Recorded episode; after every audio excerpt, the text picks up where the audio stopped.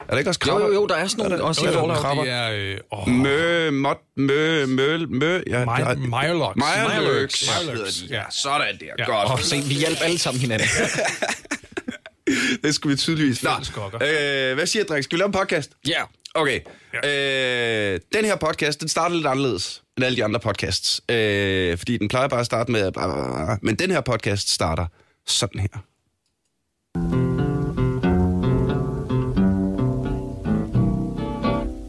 I don't want to set the world on fire.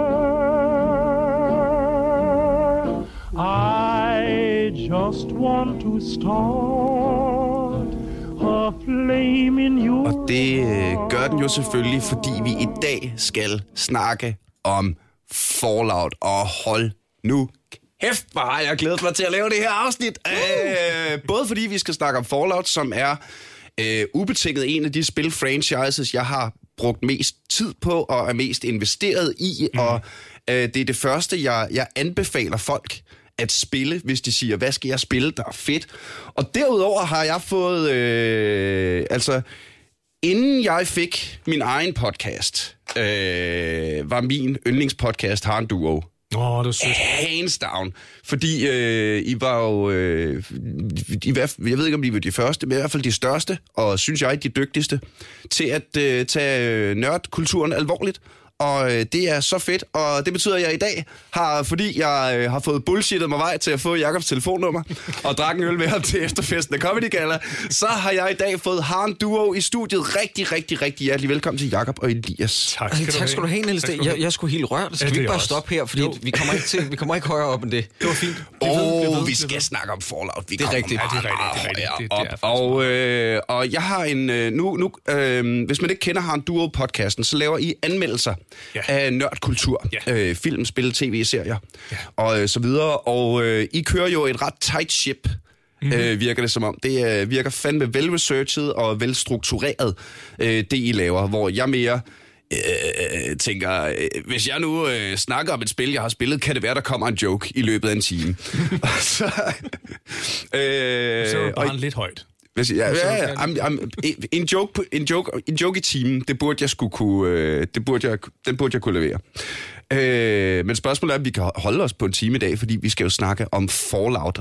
Hele universet, øh, spillene fra øh, helt fra, fra starten af, og hvor vi er i dag, og hvordan det har udviklet sig, og øh, det skift, der skete mellem 2'eren og 3'eren, og det skift, der skete mellem 4'eren og resten af Fallout. Nu tager vi ikke soverne alt for meget på forskud, men jeg har, øh, uden at have snakket meget med jer om det, inden vi har trykket optag, så har jeg indtrykket af, at vi har en lidt... Der kommer til at være et showdown til sidst. Der kommer til at være en showdown til sidst, hvor vi skal til, hvor vi skal til at diskutere Fallout 4. Ja. Men lad os starte med de ting, vi forhåbentlig kan være enige om.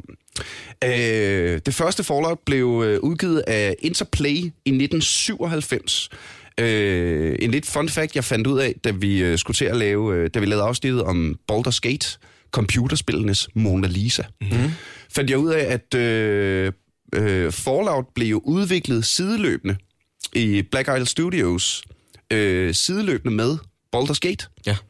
at det var ligesom, øh, der, der var, Baldur's Gate var ligesom hoved, de her øh, D&D-spillere, der var kommet ind til computerspilsfirmaet og sagde, nu skal vi lave det her, og det skal være sådan her, og det har det bare at blive, var en del af, hvorfor øh, Baldur's Gate var så nyskabende. Mm-hmm. Øh, men sideløbende havde de her øh, gamle rollespillere en idé om, at nah, det kunne også være fedt at lave noget postapokalyptisk jo. Mm-hmm. Og så startede Fallout som sådan et, øh, et, et, et lille bitte sideprojekt, som så bare stak, stak af, både i omfang og i, øh, i øh, øh, hvad er det, jeg leder efter? Popularitet. Indflydelse. Popularitet, indflydelse, k- kanon... Lækkerhed. Lækkerhed er også et godt ord. Øh, something, something, noget for religionen. Øh, men hvordan, hvordan startede Fallout fra jer, drenge? Øh, for mit vedkommende, så var jeg begyndt at spille Diablo på det tidspunkt, og så var der nogen, der sagde, at der var kommet et spil, der lignede lidt Diablo, og det gjorde det også sådan på papiret, hvis man bare kiggede sådan overfladisk på det der isometriske perspektiv. Og jeg var sådan ret vild med de der sprites, og den der animation, og den der, når man bare ser nogle klip fra det første Fallout, altså det var jo sindssygt blodigt. Jeg, jeg kan ikke huske, at jeg havde set nogle sprites, hvor at når man skyder en mand, at man så flår kroppen af ind til ribbenene. Nej. Hvor jeg sad sådan, det her, det bliver jeg nødt til at prøve. Øhm, men jeg tror faktisk først, jeg hoppede på med toeren, som til dato er et af mine yndlingsspil. Altså toeren, der kom allerede året efter. Mm. Jeg mener, det var så i, ja. hvad, 98, 98, eller sådan noget. Øhm, og det var der, jeg sådan virkelig hoppede på, og så gik jeg så tilbage og prøvede etteren efterfølgende, som er en rigtig, rigtig god start, men det er ikke toeren. Jamen, jeg, jeg har nogenlunde den samme start på Fallout. Jeg startede med det første spil, og var fuldstændig blæst bag over, over, over hele universet, over, mm. over den ja. måde, man kunne fortælle historie på også, hvor, hvordan man kunne lave et, et roleplay på computeren, og hvor godt det fungerede.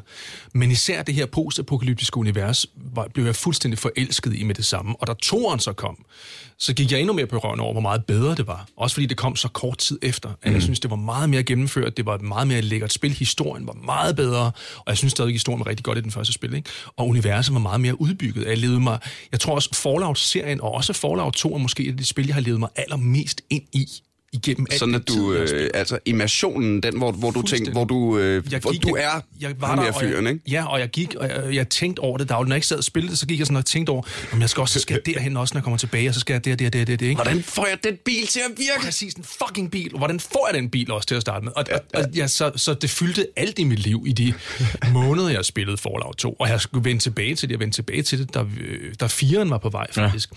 Der tænker jeg, nu, nu er det ved at være mange år siden, jeg spillede 2, nu vil jeg lige prøve at se, om det stadig holder. Det holder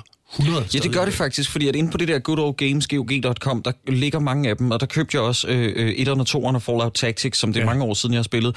Og det er sjovt, det fungerer også. Og ligesom med dig, Elias, så begyndte jeg også at tage det sådan i, i gåsøjne sådan med hjem. Jeg Mhm. begyndte at lave sådan noget virkelig meget fanfiction, når jeg ikke spillede det. Så sad jeg og tegnede det, øh, og, og skrev sådan nogle historier, det kan vi komme ind på senere. Snak, Ja. snakker, vi, snakker vi første gang, du spillede det, eller her for nyligt? Nej, nej, nej, øh, nej, nej, Good Old nej, Games? desværre. Jeg kunne, jeg kunne lige så godt have gjort det her nu. Nej, for mange år siden, det, okay. Da det kom frem, der begyndte jeg både sådan at tegne og skrive sådan noget fanfiction. Jeg er faktisk lidt ærgerlig over, at jeg ikke kunne finde det og tage det med i dag, Ja, det for det er så dårligt. sådan et erotisk Fallout fan. nej, nej, nej. Øh, nogle af dem var faktisk lidt sådan nogle... Og Øh, sexy mutant. det, var, det var faktisk lidt sådan nogle øh, gyserhistorier omkring de der øh, ghouls og sådan noget. Ja, de er øh, også pænt klamme. som, er, øh, som er ret nøjeren. Øh, ej, hvorfor er det nu, når jeg sidder og tænker over det? I'm selling myself short. Noget af det var faktisk også lidt fedt. Jamen, det glæder mig enormt meget til at høre det nu. Ja, men jeg kan prøve at se, om jeg kan finde nogle af tegningerne faktisk. Ja. Øh, fordi at jeg blev også sådan... Det, jeg synes, der fungerede enormt godt, og jeg ved ikke, hvor meget hold der er i det, men det, jeg har hørt omkring Tim Kanes udviklingsproces, ham er en af dem, der var hovedmændene bag det, det var også noget med, at øh, de kunne enormt godt lide at spille rollespillene, sådan, øh, øh, du ved, sådan på bordet, øh, mm. pen and paper rollespil, for at prøve at se, hvordan det var med hans scenarier, hvordan de ville øh, gøre sig på spil. Og det er deraf, mange af bifigurerne er kommet ud af. At øh, nogle af de andre programmører har spillet nogle af de her bifigurer. Øj, hvor giver det Og- meget mere. Og man kan bare mærke det, fordi at det er de mest, med Baldur's Gate måske for mit vedkommende, er de de mest levende øh, bifigurer, der har været i rollespil. Ja. Altså jeg kan stadig huske Sulik og Markus og fucking Dogmeat og alle de her øh, com- companions, man render rundt med, ikke? Og Harold. Jo, ja, ja, ja, selvfølgelig ikke at forglemme. Altså, Men det er det, også det, derfor, at det stadig fungerer i dag, ikke? fordi at det, er, altså, det er virkelig et levende univers, og det er med godt klaret, når det er også bare det her isometriske spil, at det er så altså, involverende. jeg synes, det er, det, som, selv som gammel rollespiller, Mhm. mm. der startede min nørdekarriere som 13-årig med at sidde og rulle terninger med drengene nede i kælderen, øh, det giver jo vanvittig god mening, at når man har siddet der og, øh, og, og rollespillet og improet de her situationer frem, at det Hvorfor gør alle spiludviklere ikke det? altså, hvorfor, ja. hvorfor sætter de sig ikke lige ned ja. og, og får nogle af de der quirky, øh, små øh, hverdagssituationer i, i gåsøjne, ikke? Ja. Øh, får dem frem, for det er jo det, der gør det så levende. Ja. Øh, især øh, Harold-karakteren, som jeg er fuldstændig vild med, som man møder i etteren som en ghoul, og så møder man ham i toeren som en noget ældre, væsentligt mere smadret ghoul, og i træeren, hvor han øh, er blevet til et træ, Et træ, ja. et, øh, et helt efter den der gren, der voksede ud, som man kaldte for Peter, eller et eller andet, der voksede ud af hovedet på ham i toeren. Øh, som bare et, et virkelig stærkt eksempel på, hvor, hvor, øh, ja, hvor pis godt det er. Ja, ja jamen, det er et meget gennemført univers. Jeg tror også, det du siger med, at, at du startede med at spille rollespil, det gjorde jeg også. Og jeg tror også, det var en af grundene til, at jeg blev så forelsket i det her spil, fordi jeg virkelig følte, at det var lavet af nogen, der forstod hele øh, konceptet med et rollespil, mm. hvordan et rollespil fungerer, og så formået at, at, at ligesom overføre det til et computerspil. Og det var første gang, jeg rigtig oplevede det. Jo, Baldur's Gate var, var en milepæl der, ikke? Ja, ja. Men, men så jeg elskede også at spille Shadowrun, og det der spil, der sådan foregår i sådan et mere science fiction-agtigt univers. Øh, hvilket også var en af grundene til, at jeg synes, at Fallout fungerede så fantastisk, fantastisk godt, da det kom. Men det er også et... Øh, det, det virker lidt som om, at hvis man bare har gjort sit, øh, sit grundarbejde grundigt på en eller anden måde, hvis du har, når du først har fået etableret den her verden, så virker det lidt øh, som om, at den er så perfekt skabt, mm. fordi den er så uperfekt i virkeligheden, ja. ikke? Ja. at så kan du bare putte, putte ting ind, og, øh, og hvis det er i Fallout-universet, så, så bliver det i hvert fald ikke rigtig dårligt. Nej. Bare fordi du har det som udgangspunkt. Ikke? Men de tog jo også så mange ting og bare blandede ned i, hvad er det, det du ved, sådan noget robotdesignet for Forbidden Planet for eksempel, ikke? Ja. og blandede det sammen med Mad Max, og Ja. blandede det sammen med A Boy in the Stork, og Ja. altså, det var sådan virkelig alt det bedste for de der 80'er, 60'er film og sådan noget, og det er det, jeg også er vild med med universet, fordi at det er ikke bare Mad Max, jo, der er referencer til Mad Max, ja. men der er også noget retrofuturistisk indover, Ja. som jeg virkelig synes, det er der fandme mange, der har skædet til efterfølgende, ikke? og mange, Jo, jo, der har prøvet at efterligne. Øh, øh, jeg kan også jeg kan fornemme lidt af, at dem, der har lavet Bioshock, de må også have skædet lidt til Mad Max og hele deres sådan, øh, æstetik og retro-vibe og sådan Men noget. også Fallout.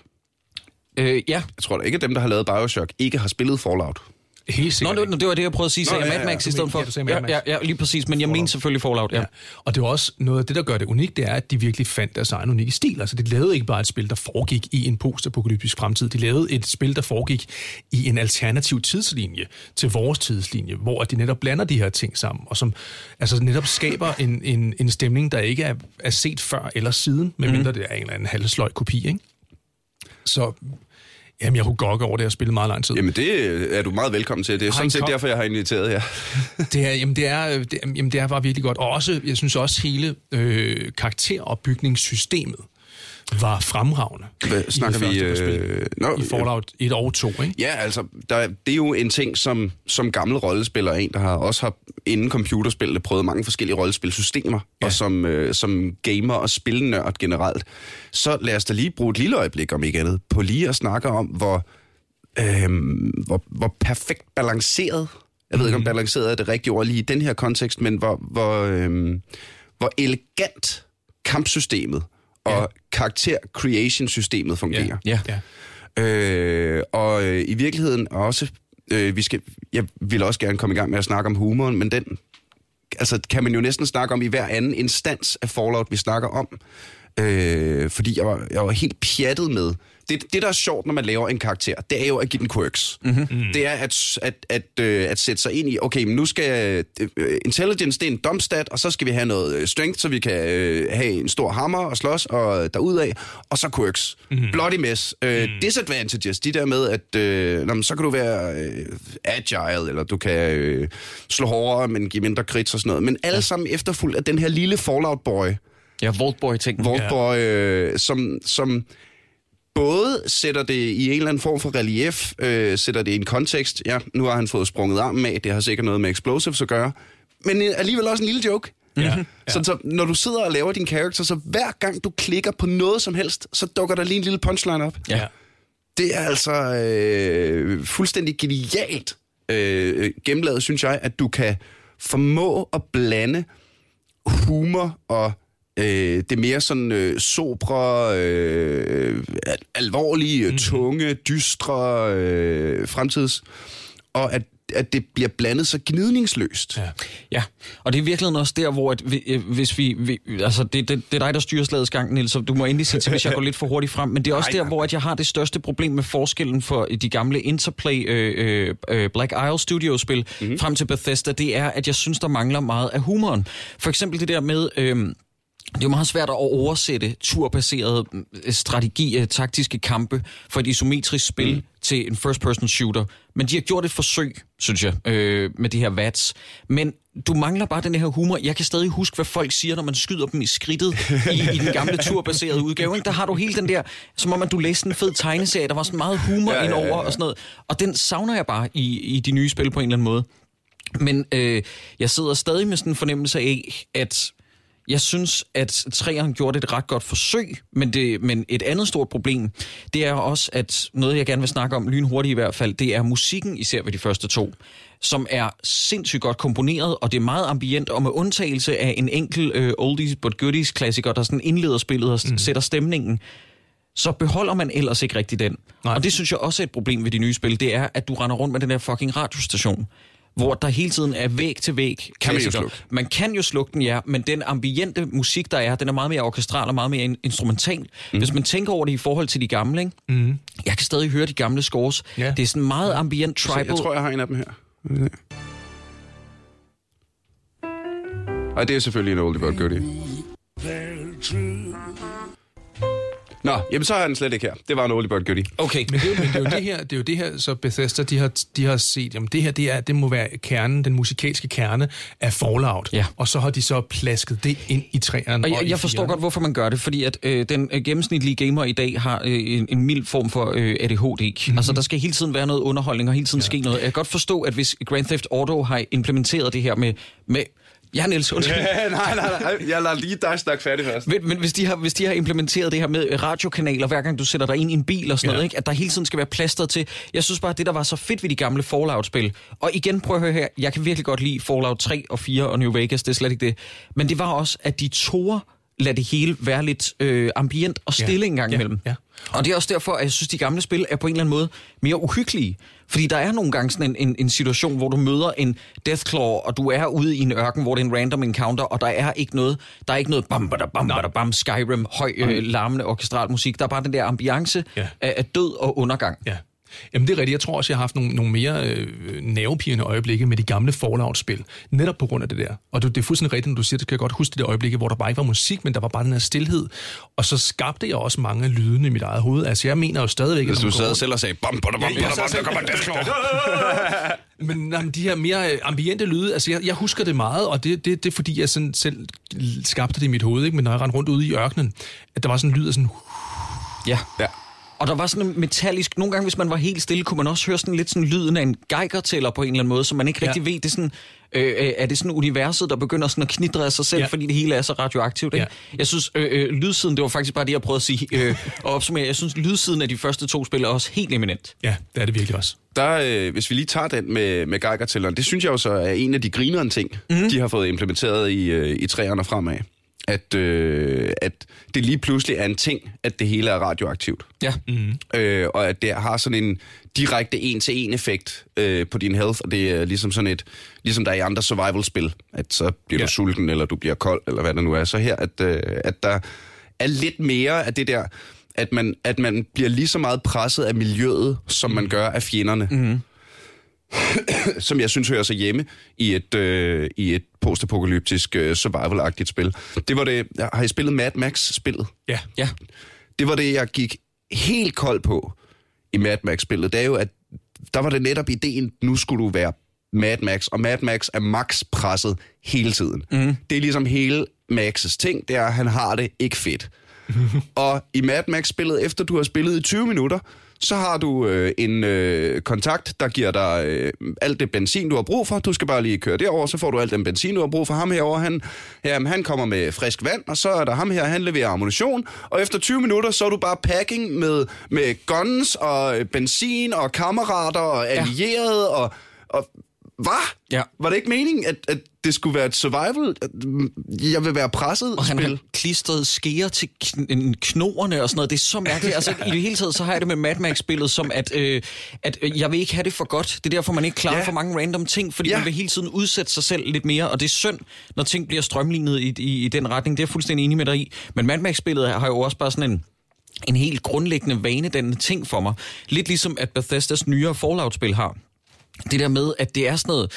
Det er sådan meget copy-paste dungeons. Mm. Ja. Og øh, øh, mange af questene er mange sådan nogle fest, fetch quests. Og jeg kan godt forstå, hvorfor hvis man sammenligner med de to gamle, at folk synes, der er sket et kvantespring nedad. Fordi det hele ja. virker ikke lige så strømlignet og så velskabt og så øh, tailored til en spilmekanik. det hele virker bare sådan lidt copy-paste-agtigt. Men stadig så er jeg sådan en primitiv spiller, at jeg bliver, altså, jeg bliver alligevel grebet af det, fordi det er så vanedannende, og fordi jeg elsker det univers så meget. Skal vi hoppe tilbage til, til, øh, til Ja, ja. Tactics og øh, det, der kom inden Fallout 3? Ja, ja, lad os lige, var- lad os lige, lad os lige øh, dvæle lidt ved, øh, ved, hvad der skete inden. Mm. Øh, fordi som øh, du siger, Elias, du har også spillet Fallout Tactics. Ja, og, Og, og øh, og dyr, har du dyrket det? I ikke så meget overhovedet som Fallout 1 og 2. Jeg glædede mig enormt meget, da det kom, fordi jeg var altså, kæmpe fan af det univers. Og jeg, når, jeg tror også, Fallout er nok mit spilmæssigt min favoritunivers at dukke op i. Den køber jeg øhm, og, øh, og jeg sad og glæder mig vildt meget til Brotherhood of Steel. Øh, det er Brotherhood, jo, Brotherhood of Steel. Ja, du- Fallout det- Tactics, Brotherhood of Steel, var det den Ja. ja. lange titel på det. Ja. Og øh, Fra 2001. Ja, og jeg synes, det var godt, men jeg savnede virkelig meget rollespilselementet i det. Det synes mm. jeg var gået tabt. Og jeg synes også, at den historie, der blev fortalt, var underlegen i forhold til den historie, der blev fortalt i Fallout 1 og 2. Altså historiefortællingen var slet ikke op på siden af det. Øhm, og, og, for mig så stak det bare for meget ud. Jeg tror, jeg havde håbet mere på et spil, der lugtede meget mere af Fallout 1 og 2. Og det er jo, altså, som titlen antyder, meget mere taktisk spil end Fallout 1 og 2, og det er meget mere et kampbaseret spil end Fallout 1 og 2. Altså det er mere, det er mere actionpræget, end det er rollespil. Mm. Men gik du ind og forventede et rollespil ligesom de andre? Så, Jamen, så lidt har du måske også kigget på den forkerte varedeklaration, vil jeg sige. Fordi Ja. det, altså, de blev jo bare solgt som Fallout Tactics. Altså, det var jo ja. ja. XCOM, bare i Fallout-universet. Ja, men der tror jeg bare, fordi der var Fallout-universet, at jeg havde virkelig... Det var lidt det, jeg gik ind til, mm. og håbede, at de havde mere ind af de gamle Fallout-spil. Ikke? Så derfor, jeg Det synes jeg det var faktisk et- også, de har. Altså, jeg synes, det er meget de samme rustninger og de samme locations og sådan noget, men rollespilsdelen er jo bare tonet helt ned. Ja. På, på det øh, grundpræmis, at dine figurer kan du navngive, og, tror jeg, og så har de lidt noget... Noget med nogle abilities også, ikke? Jo, jo, Og, jo. øh, man kan, hvad vil du øh, øh, levele dem op i, og så Ja. videre, ikke? Og der er stadig den der customization-del af det, som er meget, meget vigtigt og nødvendigt for, at man begynder at føle den her øh, immersion, og at det er et rollespil, ikke? Ja, ligesom der er med XCOM faktisk stadig Ja, i dag, hvor at, at du ikke har andet end et navn, men du binder dig alligevel lidt for meget til... Du har andet end et navn i XCOM, fordi du kan jo customize. Mm-hmm. Ja. Altså, det, det, jeg har lige spillet øh, XCOM igennem øh, Long War 2, og det var første gang, fordi jeg, jeg er sådan en systemnørd, ikke? Øh, så jeg er egentlig lidt ligeglad med, hvem mine soldater er, hvor de kommer fra. Det, jeg er interesseret i, det er, hvad for nogle skills har de, og hvordan bruger jeg det til at slå aliens ihjel. Mm. Så det her var faktisk det første spil, hvor jeg tog mig tid til, at hver gang en soldat blev sergeant eller op efter, så skulle den customizes. Og jeg customizede den efter venner og, øh, og, og komikerkollegaer, og det er altså, det er sjovere at have Thomas Hartmann med en rocket launcher med, øh, når du skal ud og slås bare. aliens. Altså, det, det, det, synes jeg bare var sjovere. Der var en spilledel i det der, faktisk. Jamen, Thomas Hartmann er en cyborg. Det er, øh, det er han allerede i virkeligheden, så det behøver man ikke. Og han er i virkeligheden 80 år, ikke? Øh, 80, altså, ja, han kunne sag... Thomas Hartmann kunne sagtens være en af supermutanterne, en af de OG ghouls, der ja. Bare er hængt ud øh, siden. Jeg synes, ham og Dan Andersen også er blevet forpumpet. Det har jeg svært ved at vende mig Ja, til. jeg synes ikke, det er i orden. Jamen, jeg synes, det er okay. Jeg synes, det er okay, at Thomas Hartmann er pumpet, men øh, Dan, Dan, Jamen her, prøv at høre, her kunne man gå og spejle altså. sig, og sige, okay, der er andre, der er sådan lidt dvasket, måske lidt mere end jeg, ikke? Og have det godt med sig selv. Og så kommer de og gør det der. Det synes jeg, jeg synes ikke, det er i orden. Ej, det er Nej, jeg simpelthen synes ikke, ikke det er cool. fair. Hvorfor ikke komme Fallout Tactics kommer vi fra. Nå, det er det, ja. ja, ja, Ja, ja, customization og så videre, ikke? Øh, jeg, jeg, jeg havde desværre den, øh, at jeg kom i gang med Fallout Tactics for sent. Mm. Det er ikke mere end øh, måske 4-5 år siden, at jeg lige pludselig sådan, åh oh, ja, det fik jeg sgu da aldrig spillet, mand. Og jeg kunne godt mærke, at der var jeg blevet for øh, øh, moderne gamer forkælet. Mm. Øh, for jeg gik sgu kold på styringen. Ja.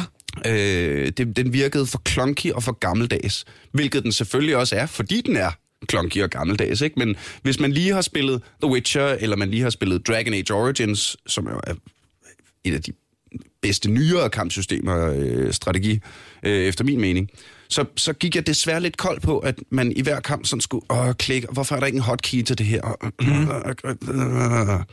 Så jeg er desværre gået glip af øh, at, øh, hele historien og, øh, og hele møllen. Ja. ja, eller mangel på samme, fordi der er faktisk ikke rigtig noget. Øh, Ja, okay, jeg, har, jeg har spillet det, jeg tror, af seks eller syv omgange, og jeg er aldrig kommet igennem det. Øh, men det gør mig egentlig heller ikke så meget, fordi det er bare sådan et univers, som jeg godt kan lide at tilbringe tid i. Ja. Og jeg synes alligevel, der var et taktisk element i det, som er ret fedt. Og så elsker jeg bare det der med, at du, at du har et hold, og du er set for Brotherhood of Steel øh, siden, som du altid har undret dig lidt over i de tidligere spil. Hvem var de for nogen? De var sådan lidt sådan mm. illusorisk øh, øh, nøjeren tilstedeværelse, som man heller ikke vidste om var retskaffende, eller måske lidt for ret, retskaffende i virkeligheden. Mm. Og er det er en problematik, som jeg stadig synes er ret interessant også i de nyere spil, men det kan vi komme til senere.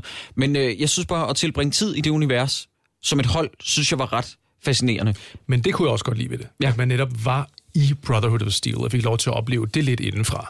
Men, Men jeg- du har spillet et spil, som jeg ikke har, fordi ja. Ja. der kom en PlayStation Ja, action-titel, ligesom med Baldur's Gate fik Dark Alliance, som ja. Ja. var sådan en, en, en, top-down, sådan isometrisk actionspil. Ja. Hvad fanden var det, det hed? Det hed Brotherhood of Steel. Det hed bare Brotherhood of Steel, ikke? 2004. Ja.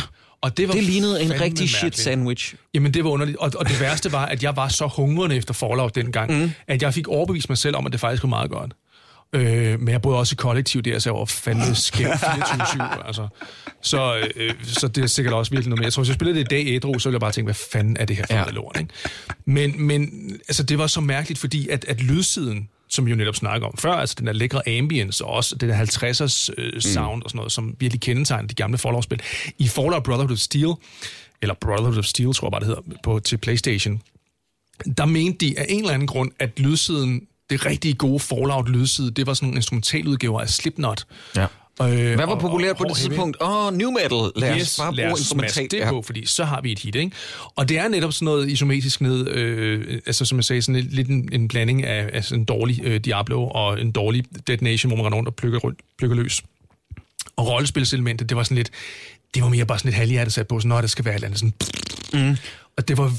Men kunne man i det mindste noget, som jeg synes er en døende stil, og jeg er glad for øh, øh, at se, at der er nogen, der prøver at holde den i live. Kunne man i det mindste være two-player? Var det ikke et, kunne man ikke spille to på en gang? Jo, Det mener jeg, man kunne med Dark Alliance. Men det var simpelthen så dårligt, at det var noget i stil med, at altså, du skulle holde dig inden for den samme skærm, ikke? Jo, jo. Så hvis du gik i hver sin retning, så... Og det var sådan noget med, at billedet garanteret ikke kunne udvides, Nej, så ja, ligesom så det kan i dag. du bare. Ja. Altså, hvis du gik i hver sin retning ud i siden af billedet, jamen, så, så kunne du ikke komme videre. Ja. Så det var rigtig fedt. Så nej, det var ikke... Og de havde også planlagt en tor, som var vist var forholdsvis langt i produktionen, Mhm. men fordi det, det solgte så rædderligt dårligt, sjovt nok, så blev det aldrig til noget, heldigvis. Øhm, og det er jo både fedt og skidt, fordi det var måske med til at, at, at slå sømmet i kisten hos Interplay, ikke? fordi de udviklede jo så også deres Fallout 3, Van Buren Mhm. mm-hmm. Project, som... øh, Og stop lige en gang. Slå bremserne i, kammerat. Hvad siger du der? Ja, ja, de var i fuld gang med at udvikle deres Har du aldrig spillet 3. den demo, Niels? Nej. Okay? Van Buren. stop, stop, stop. For, for, for, fortæl lige Okay. for, for mig og alle andre, som ikke, øh, som ikke, måske ikke helt er med på referencen her. Hvad sker der? Nu, nu skal I høre. Det, det der sker, det er, at øh, øh, Interplay øh, fortsætter med Black Isle og øh, har simpelthen stadig rettighederne til at lave Fallout 3. Det vælger de at kalde Van Buren, som går ud på, der ligger en tech-demo. Øh, jeg skal ikke sige mere, end man kan finde den på nettet. Øh, de- de prøver simpelthen at lave igen Fallout-universet i isometrisk perspektiv, men alt er 3D-renderet. Det går ud på, at du er en straffefange, Ja. øh, som skal prøve at øh, bryde fri, og så er der, øh, i den her tech-demo, der er du bare rundt i en by, Ja. øh, og du får lov til at se, hvordan det kunne have taget sig ud.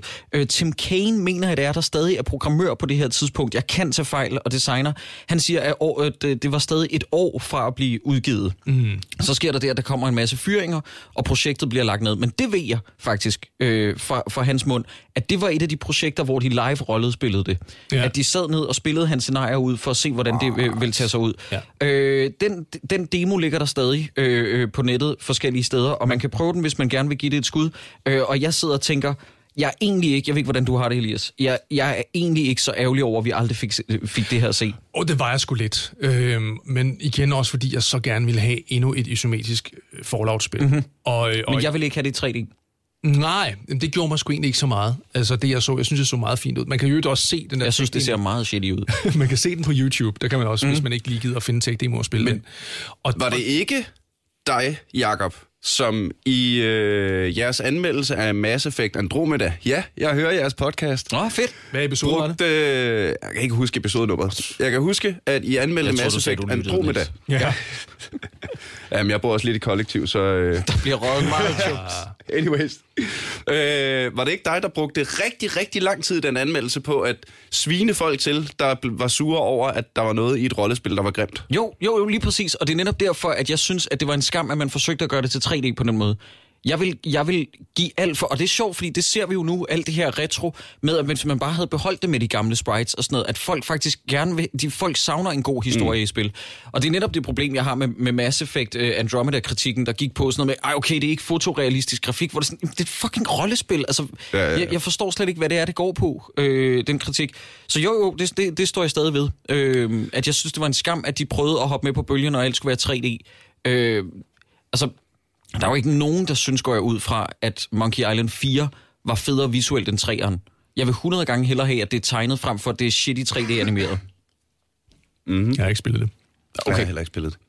Men øh, til gengæld vil jeg gerne øh, vende tilbage til øh, noget, jeg, jeg stejlede lidt på, øh, men ikke ville afbryde jer i en talestrøm for lidt siden, da vi snakkede om, øh, at spillerne i dag la, alle sammen lider af mild ADHD, mm. og de skal have det alle sammen. Det tror jeg simpelthen ikke på.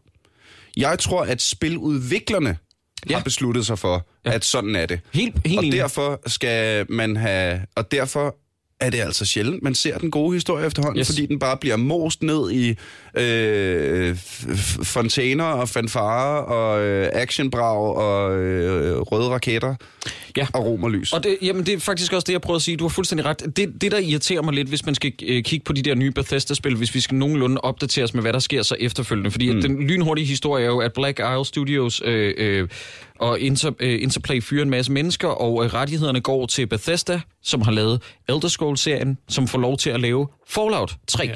Lige inden, der var de prøvet at lave Fallout Online. Ja, og Fallout 3 bliver, øh, mm, altså det bliver Elder Scrolls Oblivion, øh, Skyrim, kald det hvad du vil, bare med, altså i Ja, postapokalyptisk verden. supermutanter. Ja, og det, den forskel, jeg har, det er ret interessant, du nævner det, Niels, fordi at det, det problem, jeg har, det er, at jeg synes faktisk, at der er en lille forskel fra 3'eren frem til 4'eren. Der er en lille bitte forskel, og det er, at jeg synes, at 3'eren er stadig et rollespil, sat i en first-person simulator, hvis man kan kalde det det, mm. og 4'eren er et first-person shooter med rollespilselementer.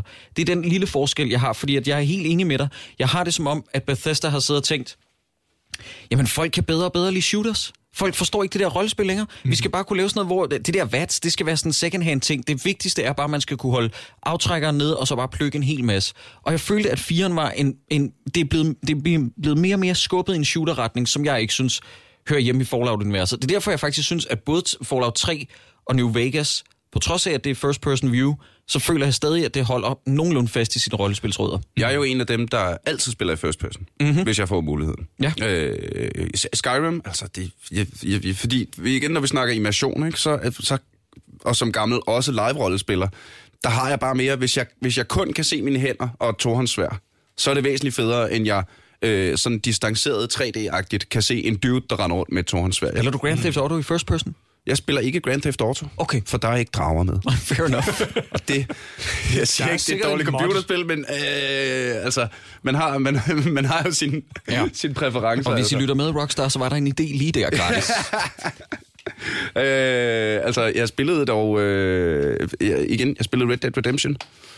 Ja. Øh, hvis der lige havde været nogle drager, Så har det været så fedt. så havde jeg spillet det lidt mere. Men nu, nu, nu kan vi simpelthen ikke holde den længere. Øh, fordi nu... Vi er nødt til at åbne den der, den store debat om firen. Jeg havde jo, da jeg ringede øh, til dig, Jacob, og spurgte, om I var med, sagde, det første, jeg sagde, var, øh, jeg kunne godt tænke mig at, afsnit, at lave et afsnit, der hedder, Hvorfor sokker Fallout 4 så meget? og hvad sagde jeg, øh, og du sagde, jamen det, det, det sokker det overhovedet ikke. Vi er da glade for firen. Ja. Og øh, det, der, jeg tror, vi er allermest uenige, det er den sætning, du sagde for to minutter siden, hvor du siger, den der lille forskel, der er fra 3'eren til 4'eren, mm-hmm. hvor 4'eren er blevet skubbet mere i en shooter-retning. Det mener jeg, og internettet, er en kæmpe stor forskel. Mm. Altså, det er, det er for mine rollespillere øh, øjne, mm. ører og hjerte, så at, at spille Fallout 3 og Fallout 4, det er nat og dag.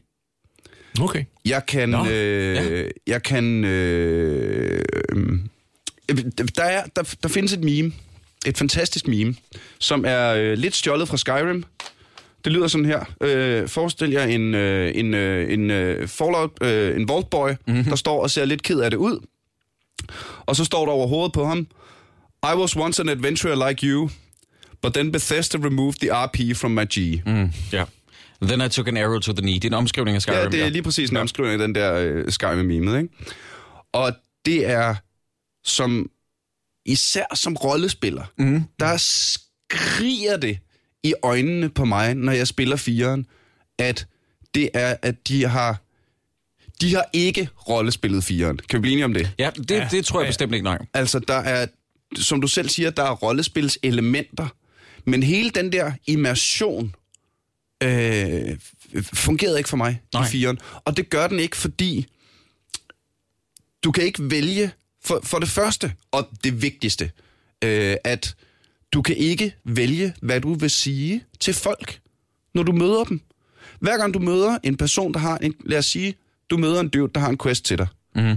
så vil du i det gamle Fallout, øh, altså øh, mest i 1'eren og 2'eren, eventuelt også, også i 3'eren og i New Vegas, så vil du kunne gøre det, at du sagde, ja, det vil jeg vildt gerne, eller du vil sige, ah, det skal jeg have flere penge for. Mm. Eller også vil du kunne sige, nej, du kan rende mig, eller også vil du sige, jeg knipper din mor, og så skyde ham, eller altså, at der er forskellige udfald, afhængig af dine handlinger. Det er i virkeligheden det, rollespil kan. Mm-hmm. Det er, øh, og i, så, i samme fald, det computerrollespil kan, det er, at spilleren påvirker spillet, mm-hmm. alt afhængig af sine beslutninger og sine handlinger. I Fallout 4, når du møder en fyr, der har en quest til dig, så har du valg imellem at sige ja, eller at sige sarkastisk ja. Der er hele den der... Øh, jeg synes generelt, det er irriterende, når man spiller et computerrollespil, og man kan se, at NPC'en svarer det samme, uanset hvad du siger. Ja, det, det er og det det, også. åh, ja, men Ikke? det, det kan jeg mærke mere og mere i dag. Og Ja. det lugter Fallout 4 af fra A til Z. Mm-hmm. Øhm, jeg havde det sådan, at uh, Fallout 4 udkom jo lige uh, oven i The Witcher 3. Mm-hmm. Og som den kæmpe store Fallout-fan, jeg er, så øh, var det jo sådan, at jeg faktisk nåede at komme lidt i gang med The Witcher. Nåede at spille det en uges tid eller sådan noget, og så kom Fallout 4, og så gik min verden i stå. Ikke? Altså, mm. det var, nu skal jeg ædersat med spille Fallout 4. Også fordi det var så hypet, som det var dengang. Ja. Ikke? Øhm, og det var faktisk, da jeg havde lagt mine, de der, øh, øh, til at starte med, x, x og 70 timer, som man gør lige, når man, og så var bare binge-spillet Fallout lige I Fallout 4? Ja. Ja. Øh, inden for de første et par måneder eller sådan noget, før jeg klokkede 70 timer i det her, ikke? Og så tænker jeg, Nå, okay, um, så lader vi det lige ligge lidt og går tilbage, og så spiller jeg lidt The Witcher, og så går jeg tilbage og prøver et nyt build, og øh, tager en ny, øh, en ny quest path og sådan noget, ikke? Så det blev faktisk først tydeligt for mig, da jeg gik tilbage til at spille The Witcher, hvor meget bedre skrevet The Witcher 3 er. Åh, oh, ja, det kan vi godt være enige om. Altså, hvor, hvordan, fordi det, der er i The Witcher 3, og det, som, det, som jeg blev helt op og stød over, det, det er jo, at hver person, der giver dig en quest, har en historie. Mm, ja. Altså, om det bare er en lille bonde, du møder tilfældigt, du rider forbi, og han siger, hey, er det ikke dig, der, du har nogle svær på ryggen, kan du ikke lige øh, hjælpe mig med at hente noget vand ude i brønden? Og man tænker, hvad er det her lort? Og lige pludselig så breder det sig bare ud til ja. en kæmpe stor, unik skrevet, altså quest plotline, der bliver større og større, hvor der er karakterudvikling både i Geralt og i den her lille bondemand, som, som ja. har en historie og en, en øh, øh, unik designet øh, lille bondegård, som kun findes der i hele spillet. I Fallout 4 får 70% af de quests, du får i Fallout 4, den får du af den NPC-karakter, der hedder Settler. Det kan jeg ikke engang huske, men det, Og det siger er- måske også meget om... om Jamen, det, det, altså, du får... ting, ikke? Når du har, du har liberated nogle... Øh, det her, øh, hvad hedder det? Sådan lidt... Nå, øh, ja, ja, ja, ja, nu er, ja, nu er jeg med. det her er lidt, øh, lidt øh, Assassin's Creed-agtige øh, ja. Far Cry med, øh, du liberater nogle øh, ting, og så begynder de at vokse, og så det, det, det ikke? Så det er bare en generel karakter. Og derefter, Altså. jamen det er det. Ja. Han hedder Settler. Mm-hmm. Han hedder ikke Brian Madsen. Nej. Eller han, og, han er tydeligvis random generated. Han har, øh, øh, nu ruller vi en terning, han har læderjakke på. Da-da, mm-hmm. ikke? Og så er der ikke tænkt mere over det. Og, øh, det, og jeg blev især sur på Fallout 4, når den beder mig om, hey, det her settlement er under angreb af supermutanter. Ja. Jamen, jeg har klaret de supermutanter, der er der. Hvis der kommer nye supermutanter der, kunne I så eventuelt tage at bruge nogle af de 10.000 turrets, jeg har stillet til jer? I har en, power, I har en dude i en power armor med en rocket launcher. Hvorfor skal jeg, der er i gang med at redde universet, løbe over på den anden side af kortet for ja. at dræbe to supermutanter? Ja. Der, der, øh, altså, jeg synes, du glemmer det vigtigste ved det hele, det er, at du er to timer inde i Fallout, inden du har en Gatling gun og en power armor, og du dræber en Deathclaw. Ja. Øh, Du, mener, du mener 14 minutter? Jamen det er altså det er, ja, det er det maks to timer. Det er det irriterer mig virkelig virkelig meget, fordi der igen, det var det vi snakkede om tidligere med, at du har ikke den der ligesom med Mad Max, øh, øh, du har ikke det der med at du Ja, på ja, ja. røven. Du har ikke det der med, at du har ikke en glæde over, at du finder en fucking revolver. Nej. I gamle dage så blev man helt glad når du fandt en skaldet revolver. Fordi, revolver! Ja, lige præcis. og det, det, det er netop den der kamp øh, for at kæmpe dig op for øh, det laveste laveste stadie øh, til, det, til det aller, aller øverste. Ikke? Det er den, som de fuldstændig punkterer. Jeg synes, at øh, igen, jeg kunne ikke være mere enig med dig, at de er meget bedre skrevet questene i Witcher 3. Det, der er forskellen, synes jeg, det er, at du siger også selv, at du har lagt 70 timer i det. Uanset om du ved det eller ej, der er jo noget vanedannende i Fallout 4. Mm. Det også, selvom er at, også, selvom at, også, selvom, også selvom at questene ikke altid udfolder sig som af. Jeg har, hvis jeg har et problem med Witcher 3, så er det næsten, at jeg synes nogle gange, så bliver sidequestene en distrahering, distraktion fra hovedquestet. Fordi der er så mange, og jeg er sådan en rigtig completionist luder. Ja, Ja, jeg, jamen- kan, jeg kan ikke lade være med at få 100%. Så, Så du mener, at du brokker dig over, at der er simpelthen for meget, der, er er simpelthen meget for meget, der er for meget godt content i det der her er for, spil. Der det er for meget indhold. Jo, jo, jamen sådan er det jo. Det er ligesom, når du ser en for lang film. Lige pludselig så bliver du grebet af, at den her film havde været rigtig fed, hvis ikke at Leonardo for 27. gang skulle sniffe kokain. Der er kinesiske øh, imperier, der har rejst sig og faldet støv i løbet af, at jeg ser Wolf of Wall Street. Ikke? Og sådan, har jeg det, sådan har jeg det også med Witcher 3, at der er for meget, der er for meget udenom. Der er for meget flødeskum. Nogle gange så skal man også bare tro på den historie, som det gerne vil fortælle. Og så er der sikkert nogen derude, der siger, at jamen, det er jo et fravalg, ikke for mit vedkommende. Okay, men, men, men i det mindste er det, der er for meget af i The Witcher 3, flødeskum, i stedet for B. Se, For det, der er for meget af i fireren. Det, det, der siger du noget ret sjovt, Niels, fordi at jeg, jeg bliver bare sådan lidt... Jeg synes, at spilformidling bliver trivialiseret og binært, når du kan kalde Fallout 4 et lortespil. Nej, hej, stop. Stop. Der er, nu, øh, nu startede vi den også fra den forkerte ende. Okay. Fordi jeg har, øh, jeg har også noteret mig, og jeg havde egentlig besluttet mig for, at inden vi startede den store debat, at øh, jeg lige ville øh, anerkende Fallout 4 for der, hvor Fallout 4 fungerer. Mm-hmm. Jeg siger ikke, at Fallout 4 som helhed er et lortespil. For der er faktisk elementer af Fallout 4, der fungerer sindssygt godt. Ja. For det første starter det sindssygt godt. Jeg synes virkelig, at altså, der kan du snakke immersion. Den der historie med sønnen, og, øh, der bliver, og man bliver frosset ned, og man vågner op, og man ved, hvor lang tid der er gået, og du når lige at være... Øh, jeg spillede mandlig karakter, fordi mig. Øh, og øh, det der med, at du, at du er, er, er vågen i kryveboksen, men kan ikke komme ud og se din... Ja, forresten. Det er alt for sent, vi siger det her, men en til en spoiler alert. Vi, Ja. vi kommer virkelig Det er rigtigt nok. Vi kommer til at spoil det vi fuldstændig. kommer til at spoile alt, men det er vi nødt til for at tage debatten. Så det må I skulle finde Ja, jer i. Øhm, jeg blev sindssygt investeret i den her historie. Mm. Lige fra starten af, at okay, shit goes down. Ikke? Så det starter virkelig godt. Og så synes jeg, at Minecraft-delen er genial. Altså hele det her crafting øh, øh, med, at du, øh, du samler skrald op og bygger dine egne huse. Og, det dine kan du egne... godt lide? Det kan jeg faktisk godt lide. Okay, nå. Fordi jeg kan godt lide customization-delen af det. Ja. Mm. Ikke? Altså, jeg kan godt lide tower defense-delen af det. At, at man, man bygger sig et, et, et settlement med, med turrets og towers og, øh, hvad hedder det, øh, og øh, mure omkring. Og øh, jo, det kan jeg godt lide. Der, der, der, er, også lidt, der er også lidt The Sims over det, ikke? Mm-hmm. Det, øh, det den del af The Sims, jeg kan sætte mig ind i. Øh, med at du bliver lidt mere investeret i, øh, i, i de her mennesker. Og Nå, jamen, så, jamen, så øh, det her det er et øh, militær settlement, så, så øh, det er faktisk der, man kunne, synes jeg, selv putte noget immersion ind i spillet, som spillet ikke lagde så meget op til ved, på grund af de her Radiant Quests og øh, noget med dialogsystemet, som vi skal snakke om lige om lidt. Der havde jeg for eksempel min første øh, Fallout, character, Fallout 4 karakter, som var soldaten, ikke? Det er øh, og øh, crafting-gutten. Mm. Det var det her, vi skal have styr på. Jamen, alle hans settlers, de fik soveposer. Fordi, soldat. Vi, vi slås mod supermutanter, hvad regner I med? Mm-hmm. Og så kunne man bagefter lave en, der var lidt mere sådan, nej, I skal have et godt sted at sove, og I skal have det hyggeligt, og jeg planter lige nogle blomster herovre og sådan noget. Det synes jeg fungerede rigtig, rigtig godt. Jeg synes, det er øh, grineren øh, med en, øh, med en Pip-Boy-app.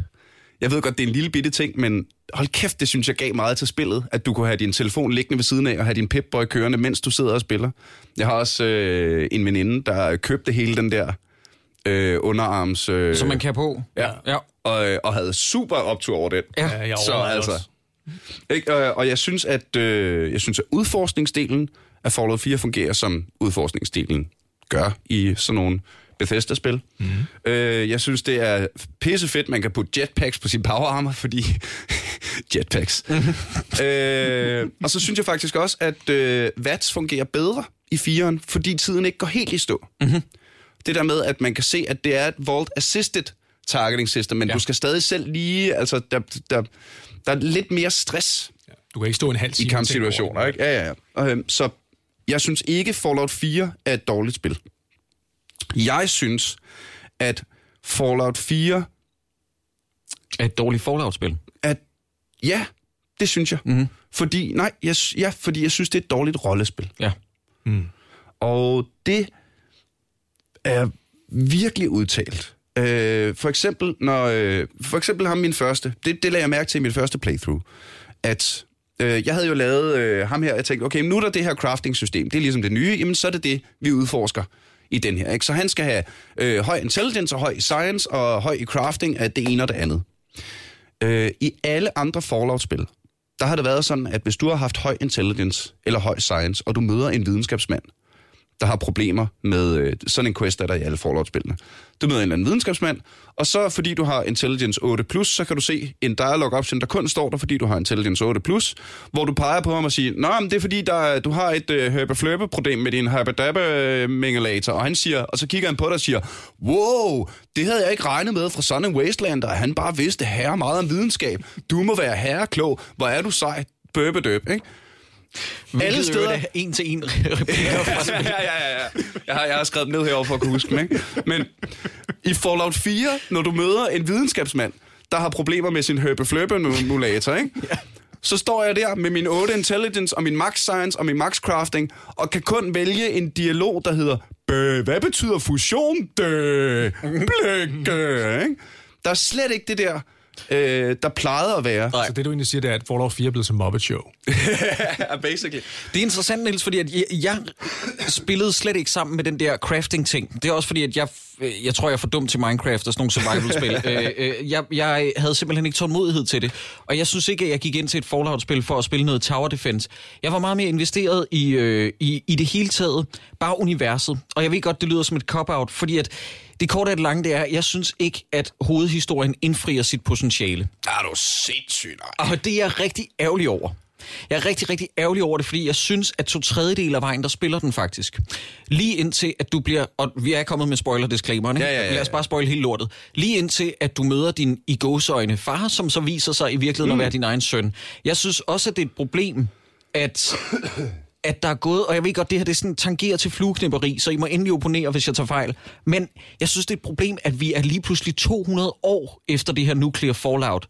Altså, der, der, er jo, det er jo gået, der er jo gået en periode på 200 år, hvor det er sådan noget med, altså, det er bare mærkeligt, at landskabet tager sig fuldstændig man til ud i forhold til Fallout 3. Er, Ja, ja, er, I der er klar over, er er I klar over, hvor lang... der står efter 200 der, der er computere, der stadig virker, Ja, ja. elektronik. Er I klar over, hvor lang tid 200 Ja, år er? det Det er er, meget, meget, meget, sindssygt. meget. Det, der er så sådan nogle mærkelige ting historiemæssigt. Også det der med ham der, hvad er han hedder, Elias? Nu klapper jeg lige med dig på. Hvad er han hedder, ham der legemorderen, som man går ind i hjernen på? Hvad fanden er det, han hedder? Åh... øh, Han er en af de tidlige... Nej. Ja, han hedder sådan noget i den stil. Han Ja. er en af de tidligere øh, i gåsøjne semibosser, Ja. øh, hvilket også irriterer mig, fordi at det er vist noget med, øh, øh, lige for at give lidt mere vand til øh, Niels Mølle. Øh, øh, Kellogg. Øh, han hedder Kellogg, ja. ja. Har vi lige, øh, vi har vores, Det er ham, der øh, slår ens vores, øh, vores, øh, dejlige, vores dejlige goblins, der sidder herude i produktionen Det er fandme optur. og visker i øret. Det er altså lækkert. Øh, ja, Kellogg, lige præcis. Øh, øh, lidt mere vand til din mølle, Niels. Jeg tror faktisk, at jeg vil give dig ret i, at der er ikke engang noget rollespil, der hedder, at du kan lade ham overleve. Jeg mener, du skal battle ham faktisk øh, ja. ind i mm. main story. Det irriterer mig lidt. Men, men bare sådan noget med, at der er noget...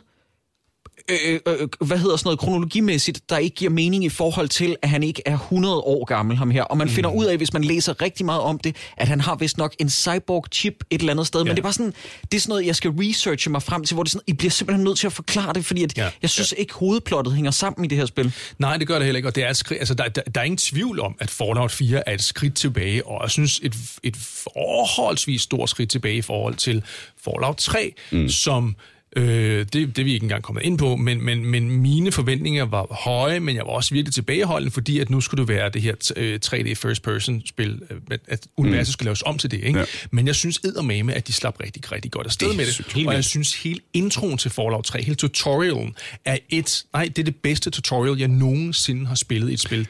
Det er, hvor du, den starter med, at du bliver født, Ja. og så, så vokser du op, til du bliver 19 år inde i den her vault. Plus din far er Liam Neeson. Ja, altså, og det er så fedt. så er det alt bare godt. Og, og, så, og så Øh, bygger du din karakter op i, i den periode og giver stats og det hele. Jeg synes, og du træffer nogle valg, som, som afgør, hvem du bliver som karakter. Og det synes jeg er pisse genialt sat sammen. Altså, det er virkelig, virkelig, virkelig godt fortalt. Og så når du kommer ud i Wasteland, så er det bare en endnu større oplevelse, fordi mm. du kommer fra den vault, den beskyttede lille boble, ud i det her dystopiske univers og rende rundt og undersøge. Jeg synes også, at historien var, var langt bedre. Det virkede meget mere gennemarbejdet.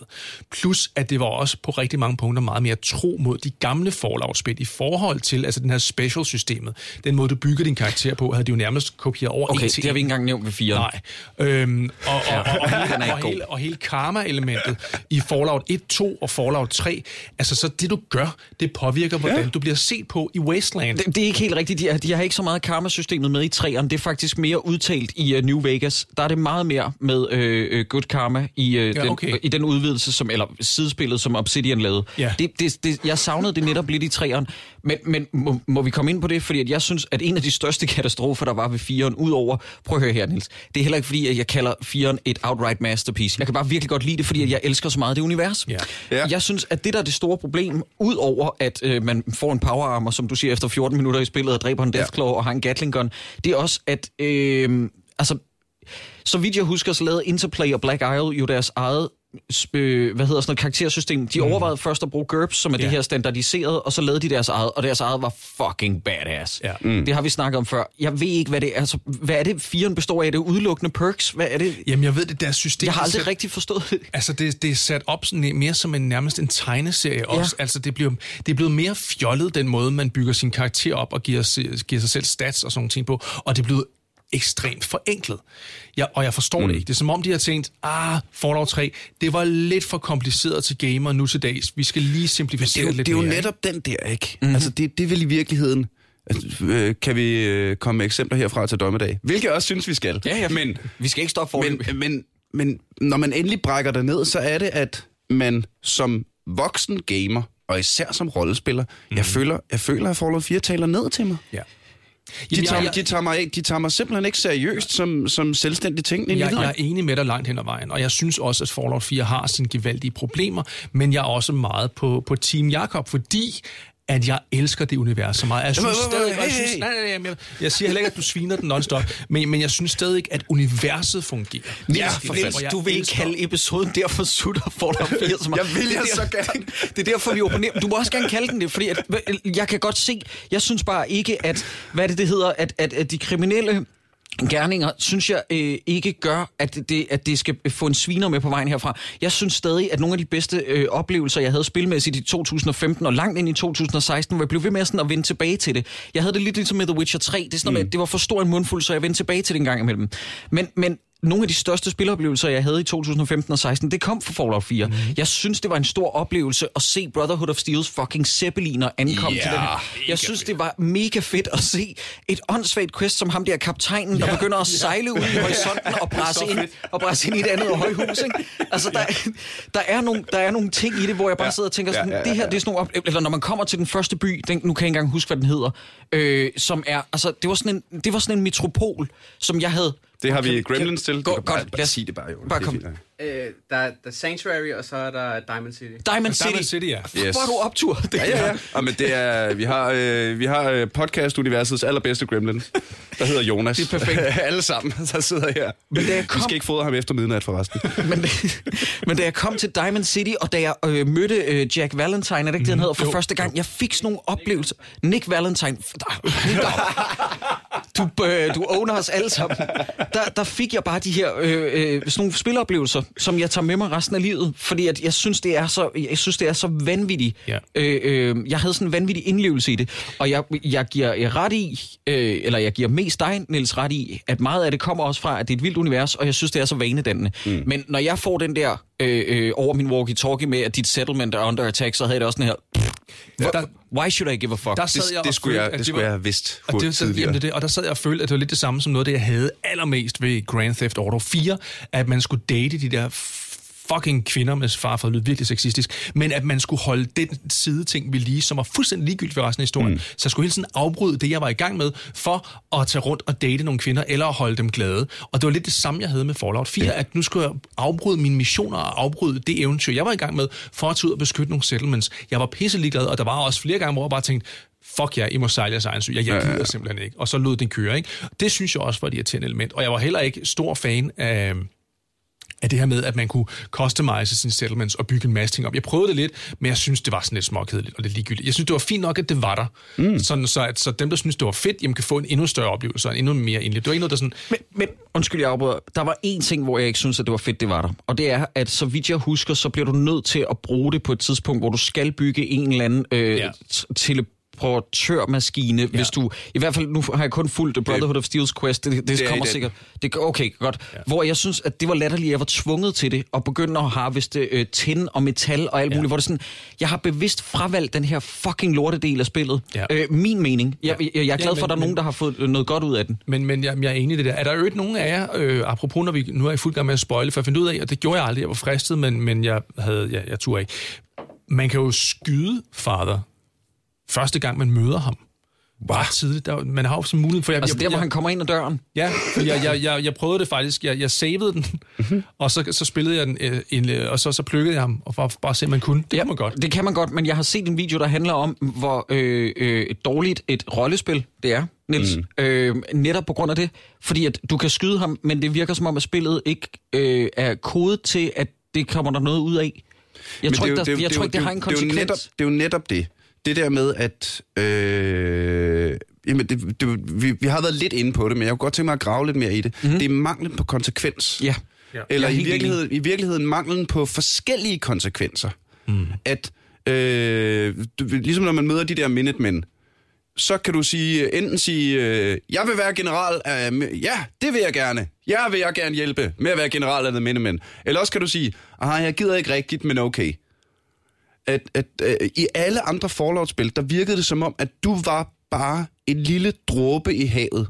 Du var en tilfældig person, fra, der startede et tilfældigt sted i det her Wasteland, og så, møde, og så kommer du ud og møder og interagerer med andres skæbner. Mm. Mm. Hvor det i firen er lidt det der...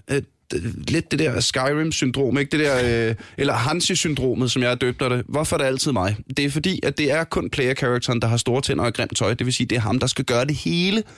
Alle mennesker, du møder, alle mennesker, du møder, kan ikke, kan ikke noget selv. Mm. Kan du ikke løbe derover hen? Ja, det er en The Julekalender-reference. Awesome, Niels. Og det er Hansi-syndromet. Øh, Døbte jeg lige, lige her, inden vi gik i gang med podcasten, fandt ud af, at det er det, det skal hedde. det er perfekt. Fordi det er bare, jamen, det, det, jeg kan ikke være den eneste person i hele det her wasteland, der har en interesse i at få flere XP. Nej. Det kan simpelthen ikke passe, altså. Nå- Noget, jeg synes, der er problemet også ved settlements, hvis jeg lige må komme med den indskydelse, mm. det er også, at jeg synes, det eliminerer lidt den der lone wolf-mentalitet. Og jeg Ja. ved godt, at du har haft muligheden for at tage nogle gange... Jeg tror, der var sådan en perky især i toeren, eller også var det en bug i mit spil, som gjorde, at jeg kunne have fire companions med på et tidspunkt. Nej, det er øh, baseret på, hvor meget karisma du har. Det er sådan der. Øh, hvor at den del køber jeg. Det der med, at jeg bruger øh, jeg ved ikke, hvor mange timer spilletid for at lave et fucking awesome hold bestående af, af Dogmeat, mig selv og Sulik og Marcus, ikke? og så kører jeg rundt i min Highwayman. Ja. Det er fucking blæret. Ja. Øh, det er det, som jeg elsker. Bare The Goon Squad. Ja, ja, De, øh, fuldstændig. De, øh, de po- postapokalyptiske entourage. Ja, jeg ved ikke, hvem der er Turtle. Ham- hvem er mest nederen? Det er ham, der er Turtle. Men, øh, men og den del, synes jeg bare lidt forsvinder med de der settlements. At lige pludselig, så er der ikke meget Lone Ranger over det her længere. Der er ikke meget Mad Max mod hele verden øh, og hans hund. Øh, som er en del, jeg synes... Niels, jo mere vi snakker om det, ja.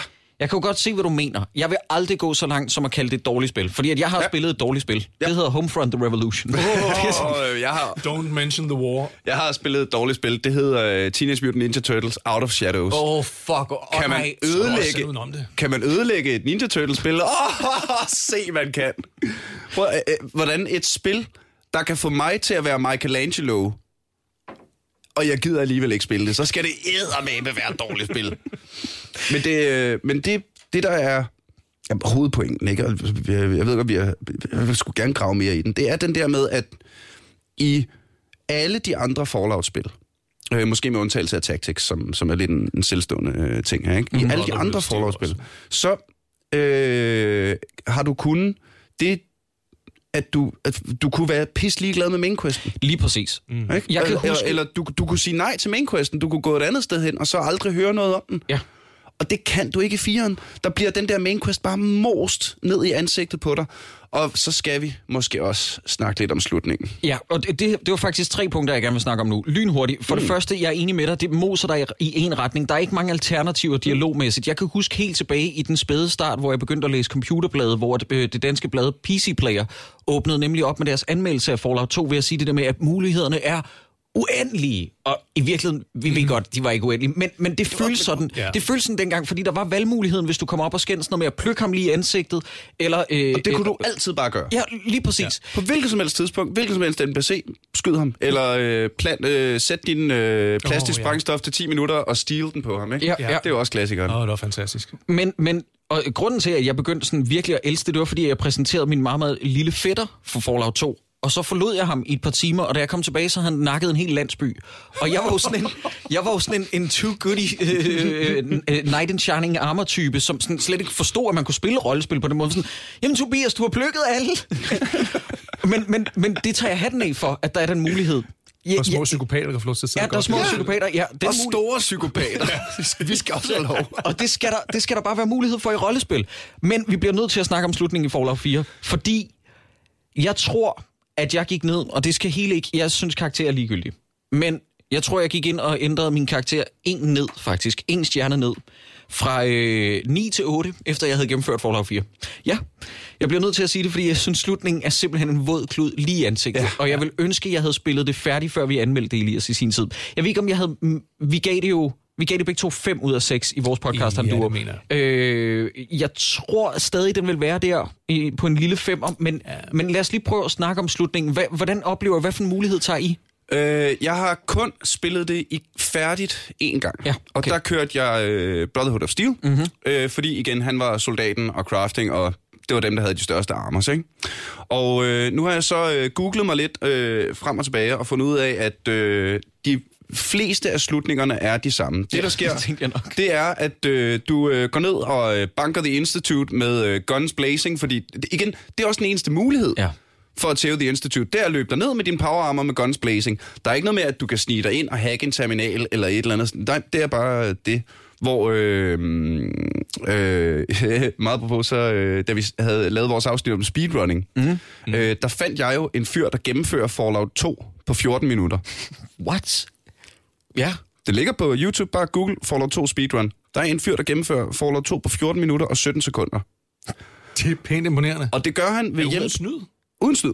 Hold da kæft. Og det gør han jo ved hjælp af, at han ved, jamen her er der en dialogue option, som sker nogle shortcuts. Her er, han, har, han kører all in på speech og sneak. Mm-hmm.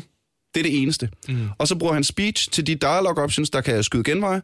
Og så bruger han sneak til at dræbe de, for han kan ikke slås. Det tager for lang tid at slås normalt. Så bruger han, øh, eller pickpocket er det vel, så bruger han pickpocket til at øh, tænde for granater og lægge dem i lommen på folk. Og sådan slår han folk ihjel. Og det er den eneste måde, han dræber folk på i løbet af de 14 minutter. Jeg tror, han selv dræber to, som er øh, præsidenten og øh, en øh, salesman et eller andet sted. Og det er det. Alt andet, det er øh, snydekoder, tips og tricks, øh, vide, hvor man skal gå hen, vide, hvad man skal sige, vil, vide, hvilke terminaler man skal hacke, osv. osv. Ikke? Så der er snydekoder involveret. Nej. Nej, øh, ja, nu sagde jeg snydekoder, men mere, øh, det er vel mere exploits, mm. Ja. øh, som er indlejret i spillet. Mm-hmm. Ikke? Øh, ej, det var en lang øh, side. Hvor kom jeg fra? Øh, slutningen med Fallout 4. Slutningen på Fallout At du 4. ikke kan snige dig ind. Ja, med guns blazing. Øh, så du skal løbe ind med guns blazing. Og så ender det med, at du springer et atomvåben nede i The Institute. Du springer The Institute i luften. Ja, eller lad være. Eller lad være. Kan man lade være? Ja. Jeg lod være. Du lader være. Ja. Fordi jeg husker det som, at du kun fik muligheden. Her er den store røde knap. Okay, men kan det være, at du har spillet dig hen i den retning, så du ikke kan tage et binært valg på det tidspunkt? Hvilket, ja, nogle gange synes jeg faktisk også, at, øh, at rollespil skal have den, den kan du, hvis du har spillet dig i den retning. Ja, ja, ja, den køber jeg. Den Ja, køber jeg. øh, men, men jeg kan ikke... Jo, jeg tror, jeg sprang lortet i luften, og så flyver væk i sådan en øh, helikopter og ser det hele springe i luften. Det mindes jeg. Jeg øh, gik med... Men prøv at høre, slutningen har virkelig gjort det store indtryk på mig, desværre. Nej, heller ikke Det mig. det. Jeg gik med The Minutemen. Jeg slog hele Brotherhood of Steel ihjel, øh, mm. og, øh, og nakkede også... Øh, The Railway. Ja, og det gjorde lidt ondt, for jeg skulle meget godt lide hende Ja, lederen. ja, de var meget... Der var er- nogle... Prøv at høre, lækker. Railway, øh, hele, hele deres figurgalleri er meget mere interessant end- mange andre figurer, man møder i det her. Og det irriterede mig, at jeg blev nødt til at nakke dem, for ligesom at komme videre. Men ja. Ja. jeg holdt med Minutemen, og så, så fik jeg så muligheden for at, at smadre det institut, eller lade være, og jeg lod være. Ah, øh, men ligesom snakker vi, øh, snakker vi... Du fik muligheden for at... Øh. Jeg, jeg, det, det bestod, og jeg blev ligesom den nye leder af det institut. Så da jeg kom op igen, så det Okay. eneste forskel var bare, nu rendte der bare sins rundt omkring. Og der var der nogen, der rendte rundt og snakkede Okay. om, ej, var det ufedt, at der er sins nu, men det gjorde ikke en stor forskel. Alright, fordi så er forskel, at hvis du... Fordi det, jeg savnede, det var... Var du også nede i, i The Institute med Guns Blazing? Øh, det, det, Skød du de det syntetiske gorillaer, dit Ja. animal? ja, Okay. selvfølgelig gjorde jeg det. Fedt. Ah, okay, fair nok. Fordi det, der, det, altså, det, det, jeg tænkte, det er... Igen, det var der, det var der immersionen brød fuldstændig for mig. Mm-hmm. At her har vi en... Min karakter. Det er mig, skal det forestille det her, ikke? Super høj intelligence. Har styr på sit science shit. Godt. Som du jo har. som jeg jo har. Fordi jeg kan sige høbe fløbe Men anyways. Så, øh, og jeg, okay, fint, jamen jeg tager min power armor på, og jeg tager min, øh, min minigun, og så pff, ned og, øh, og skyder sindsgorillaer og det hele. Nu har jeg wipet hele Insti- The Institute ud. Hvorfor i alverden skulle jeg så springe det i luften? Prøv at tænk på, hvad der er hernede af rent ikke? drikkevand. Ja, ja. Øh, hvad hedder det? Øh, øh, øh, Muligheder også for medi- medicin, medicin. Ja. Øh, hvad Netflix. hedder det? Øh, Netflix for helvede. Strøm. Øh, planter, der ikke er radioaktive. Jeg vil kunne brødføde hele The Brotherhood. Jeg vil kunne tage medicin op til øh, de svage ude i verden. The Brotherhood ville kunne gå ud i verden og redde, og det ene bedre. Og så, og så springer jeg en atombombe. Mm-hmm. Midt, midt nede i mit forrådskammer. Mm-hmm som samtidig går op og irradiator alle de settlements, jeg har brugt så uendelig mange timer på at rende rundt og samle bildæk og gamle bilvrag, som jeg skal klikke på, før jeg kan få lov til at få mit scrap. Jeg har skulle have sex i karisma og arbejde mig op til, før jeg kunne lave fucking handelsruter mellem dem, sådan så jeg ikke behøvede at samle biler op i hver eneste af de her settlements, hver gang jeg ville bygge et turret. Og alt det ødelægger jeg selv. Ja. Hvad? Jeg, jeg, jeg sad, jeg sad, jeg, er fordi, din karakter er nu, idiot. nu, jeg ved godt, det her er fighting words for en gamer. Fallout 4 slutter dårligere end Mass Effect 3. Nu har jeg sagt det. Okay. Jeg har aldrig syntes, at Mass Effect 3 sluttede sådan fuldstændig sindssygt. Nej, det, det har jeg heller synes, ikke. Så, så, sindssygt. så jeg er tilbøjelig til at give dig ret. Ja. Øh, men men må, jeg, må jeg lige komme med en indskydelse? Fordi der er jo nogen, der mener, at øh, noget af det, som vi slet ikke har berørt, er jo det, som de sværger til og egentlig kalder for Fallout 3. Ja, der findes nogle kontrære typer på internettet. Surprise. De mener jo, at øh, Fallout New Vegas er den rigtige Fallout 3, fordi at mange af dem fra øh, Obsidian var nogle af dem, der kom fra Blackout Studios. Ja. Øh, og derfor mener de, at det er meget mere en tro efterfølger mm-hmm. til øh, Fallout 2, end 3'eren egentlig var. Jeg kan delvis godt følge dem. Jeg synes ikke, at New Vegas er et lige så godt spil som øh, Fallout 3. Nej. Det er bare min mening. Jeg Men synes... det er især historien. Hvad, hvad, hvad for noget? Er det især historien, som er langt bedre i træerne end i New Vegas? Øh, jeg tror, folk har det omvendt. Men for Jeg mit, husker faktisk historien i, i New Vegas som ret fed. Ja, Det synes jeg Og også. også, at den var, at den var sådan lidt, øh, en, en, en lidt ny vibe, ikke? At der var lidt mere det her øh, gambler, øh, Texas, Jo, øh, Las western Vegas indover. øh, western øh, vibe over. Øh, det, det synes jeg egentlig var meget fedt. Ja, og jeg vil rigtig gerne se, at der kommer en New Vegas 2. Jeg tror ja. bare desværre ikke, at øh, Bethesda har særlig meget tiltro til, øh, at de kærer Obsidian. Plus at Obsidian... Så, prøv at høre, jeg er ikke øh, super inde i det område, men jeg tror, Obsidian har det ikke særlig godt lige for tiden. Jeg mener, de har fyret en masse øh, ansatte, så jeg tror ikke, det er sandsynligt, det kommer lige forløbig. Men Obsidian fik notorisk kort tid til at lave Fallout New Vegas. Og det, er kan derfor- man virkelig Ja, mærke. og det ærger mig, fordi at Ja. der er rigtig mange steder, hvor det er buggy, hvor det virker lidt halvfærdigt, og det er synd, fordi at med de kræfter, der var tilbage igen, og med det oplæg, jeg synes, det er en fed idé, mm. øh, så synes jeg bare, at det på nogle punkter skuffede mig, og jeg kan samtidig også godt se, hvorfor nogen mener, at det er overlegen til Fallout 3. Øh, værst synes jeg næsten, at i stedet for, at det hele var sådan lidt grøn plamage, som det var i Fallout 3, så er der sådan lidt lortebrun plamage over mm. alting i New, i New Vegas. Jeg, jeg synes bare virkelig, det er Øh, jeg ved godt, vi snakkede om det tidligere. Grafik er ikke alt i et computerspil, men det behøver ikke trodse mig til at synes, det er, øh, til at synes, det er tåligt at kigge på. Jamen, jeg, var, jeg var overrasket over, hvor godt New Vegas var i forhold til, hvor kort tid det kom efter Ja, Fallout det er nemlig 3. det. Altså, jeg synes virkelig, det var, jeg regnede med, at det bare var en anden, nærmest en udvidelse, men det er virkelig, virkelig godt selvstændigt spil. Plus, at det der var med New Vegas, det var muligheden for at spille det på hardcore mode, tror jeg det hed, Ja. hvor at øh, alting du skulle tage højde for, nemlig øh, stråling betød meget mere, du skulle huske at drikke og æde og sove og sådan noget. Jeg tror altså, hvis du virkelig, jeg kan ikke huske, om det var samme sværhedsgrad, men hvis du virkelig var en retardo, så kunne du også vælge den sværhedsgrad, hvor at ammunition også vejede, vejede noget, ja. hvor det virkelig var sådan, Jesus. Ja, ja, ja, ja. Men, jeg, altså, men det, det er jo også en attest til, hvor godt jeg synes, det spil var, fordi det var bugget som ind i helvede. Og man spillede det stadig. Yes, jeg gennemførte det stadigvæk med glæde, men det var, det var med at, at genstarte min Playstation flere gange, fordi den bare frøs. Mm-hmm. Og så start altså et godt stykke før, fordi min save game, det var sådan 20-30 minutter før, hvor den gik oh. i frys. Ikke? Og det var det hele tiden i New Vegas. Det var pisse irriterende, men jeg gennemførte det alligevel, og jeg holdt af det. Jeg håber så meget. Rygterne går på, det har de gjort noget tid, og det gør det vel måske altid, men at rygterne går på, at Bethesda er i gang med at lave en remastered udgave af Fallout 3 og New Vegas. Vegas Ej, jeg vil til. PlayStation 4. Ja. Jeg håber det så meget. Okay, fordi at, jeg ved godt, at grafik ikke er alt, men jeg må indrømme, at når jeg sidder det, som jeg sagde før med de der store oplevelser, der betyder grafikken rent faktisk noget. Med, med Brotherhood of Steel, Zeppeliner, der ankommer og sådan noget. Jeg vil rigtig godt se træeren tage sig ud, som firen gør. Jeg synes, Ja. firen er et decideret pænt spil. Ja. Noget, som jeg lige vil øh, drøfte her til sidst, jeg ved godt, at vi har kørt virkelig lang tid, Niels. Jeg er skide ligeglad. Okay, skide godt. Noget, jeg gerne lige vil drøfte, det, det er et ret interessant, noget, som jeg har diskuteret med mine venner om flere gange, og jeg ved ikke, om jeg synes, det får det bedre. Jeg ved godt, at når det er Geralt, som du ser tale mm-hmm. og voice sin mening, I The Witcher 3. i The Witcher 3, så er det lidt noget andet, fordi Geralt er sådan en han er jo en figur, som du lægger enormt meget personlighed ind i. Han har til en vis grad rimelig meget forudbestemt personlighed. Mm. Men alligevel, du, du sådan leger lidt med den figur. Når det er en, en, et spil, hvor du selv skaber figuren, så ved jeg stadig ikke, og det er på trods af, at jeg synes Mass Effect er et af verdens bedste spil, jeg ved stadig ikke, hvad jeg synes om ideen i et Fallout-univers, at du ser din figur tale. Nej, det synes jeg også var et underligt valg. Jeg kunne mm. godt lide den der mere stillestående type. Ja. At, at jeg ligesom Ja. skabte karakteren ind i mit hoved meget mere. Det, det kunne jeg også ret det godt levede meget mere i mit hoved Ja. ja. i både 1'eren, 2'eren og 3'eren, det er hvad det angår. Jeg ved ikke, om jeg, jeg ved godt, at det er smart at gøre i dag. Det, folk synes, at det er det, der skal til, men jeg ved ikke, om jeg synes, det var nødvendigt at Nej. inkludere den mulighed. Nej. Det har jeg aldrig tænkt over, men nu hvor jeg gør, så er jeg enig, at, øh, at, at hvis... Når, når jeg læser dialog options, Ja. så sidder jeg jo igen i immersionen, ikke? Det, at det er mig, der siger det her. Mm. Så når jeg klikker på den, så har jeg allerede sagt det. Mm-hmm. Så behøver jeg ikke at se øh, Præcis. i gåsøjne mig selv i tredje person sige den sætning, jeg lige har sagt. Og Nej. garanteret sige det med en anden betoning, end jeg Ja, havde regnet med. ja, og noget. ja. Også fordi den arme, man kunne finde, var så pissegrim. Den hvad? Rundt, den armer, man kunne finde, var så pissegrim. Jeg rendte rundt, en rundt i? jeg, en, en total idiot. Jeg lignede, da han havde sådan en, en, en hvid cykelagtig hjelm på, og så solbriller. Og, jamen, jeg lignede en idiot. Men det var det bedste, jeg kunne finde. Og det, øh, ja, og det, det, jeg, så jeg gad heller ikke at se på mig selv. Jeg var virkelig, virkelig grim. Ja. Også i det spil.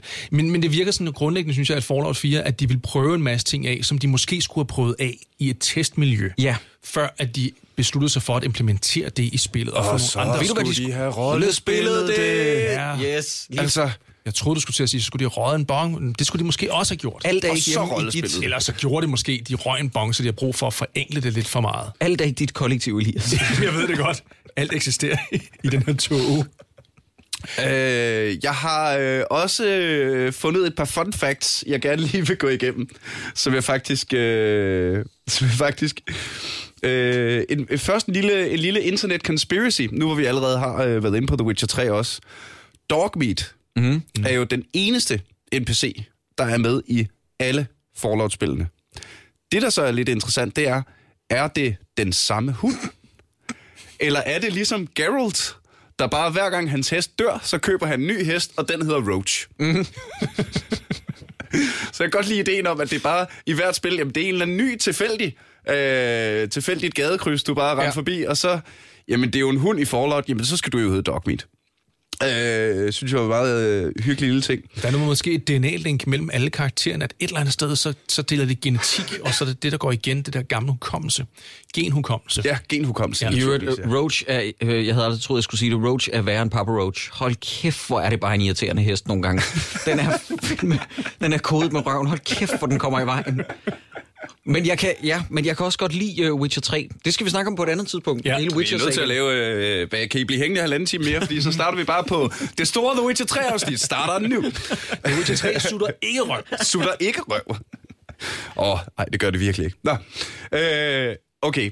Det, der sker, når man, øh, når man øh, prøver at øh, google fun facts, det her er næsten nok til, at jeg samler et hvilket som helst Fallout-spil efter træerne op igen.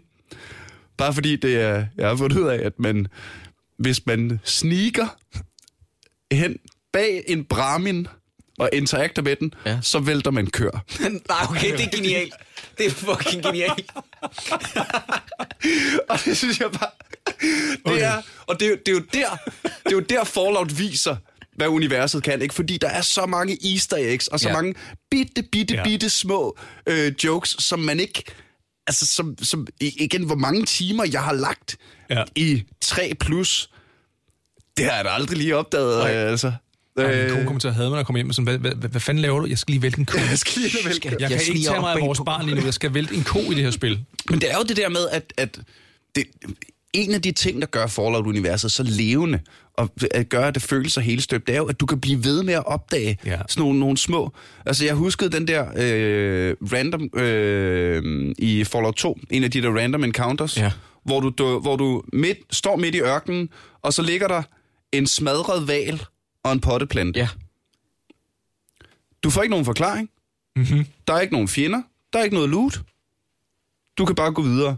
Så er det først år efter, hvor jeg første gang læser The Hitchhiker's Guide to the Galaxy, at det går op for mig, vent lige ja. lidt. Ja. Det var der, den landede. Der var også en TARDIS øh, fra Doctor Who med i. Ja. Ja. 2, mener jeg, som Kan I bare huske, kan I huske. The Bridgekeeper fra Monty Python, som også står der på Ja, et sted, hvor det du er skal, rigtigt, jeg mener, du skal svare ham med et spørgsmål, og så Ja. dør han, for det kan han ikke forstå. Ja,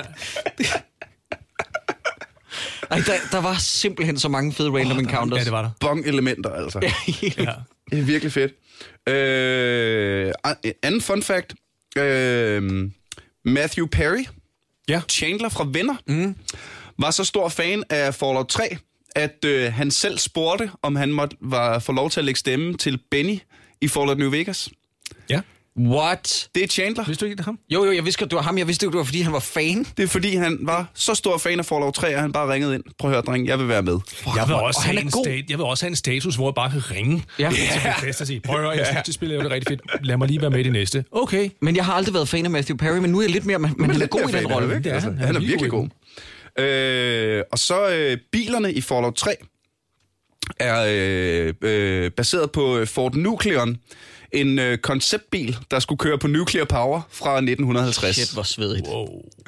Fuck. Og mens vi er i gang med øh, en The Fat Man, Ja. våbnet, Ja. der skyder med mini-nukes, er baseret på et rigtigt våben, der igen blev udviklet i 50'erne, Nej. Selvfølgelig. øh, som hedder M-388 Davy Crockett Tactical Nuclear Recoilless Rifle. Og hvis I lige googler det, det gør man så. og finder et billede af den, så ligner den Ej, hvor er det sindssygt. Altså, det, det, den ligner mere sådan øh, en, øh, en, øh, sådan en øh, engangs-RPG, Ja. øh, skulderborgen bazooka-ting, men hvor hovedet bare er altså sådan, sådan greb øh, vandmelon stort kugle rundt med sådan et, et Fallout-symbol på, ikke? Og det er altså en ting. Hvor er det sindssygt. Ja, det var, og det, Er det den her? ja, that's the guy. Hold Igen, hvis du sidder derude og lytter med og har lyst til at google, så er det altså M-388 Davy Crockett Tactical Nuclear Recoilless Rifle. Ej, dem, der skulle teste det våben, ikke? Det må være pisset i bukserne hver gang.